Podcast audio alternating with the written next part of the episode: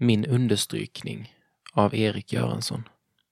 Och Jesus grät. Johannes 11, 35. Vi är alla ledsna ibland. Det är en del av livet. Vi hanterar också våra känslor på olika sätt. Själv tycker jag om att gråta, att släppa all kontroll och låta sorgen rinna ur mig, men vågar inte alltid göra det. Jag vågar inte alltid visa mina känslor och är rädd för att bli dömd av dem runt omkring mig. Här får vi däremot läsa om någon som inte är rädd.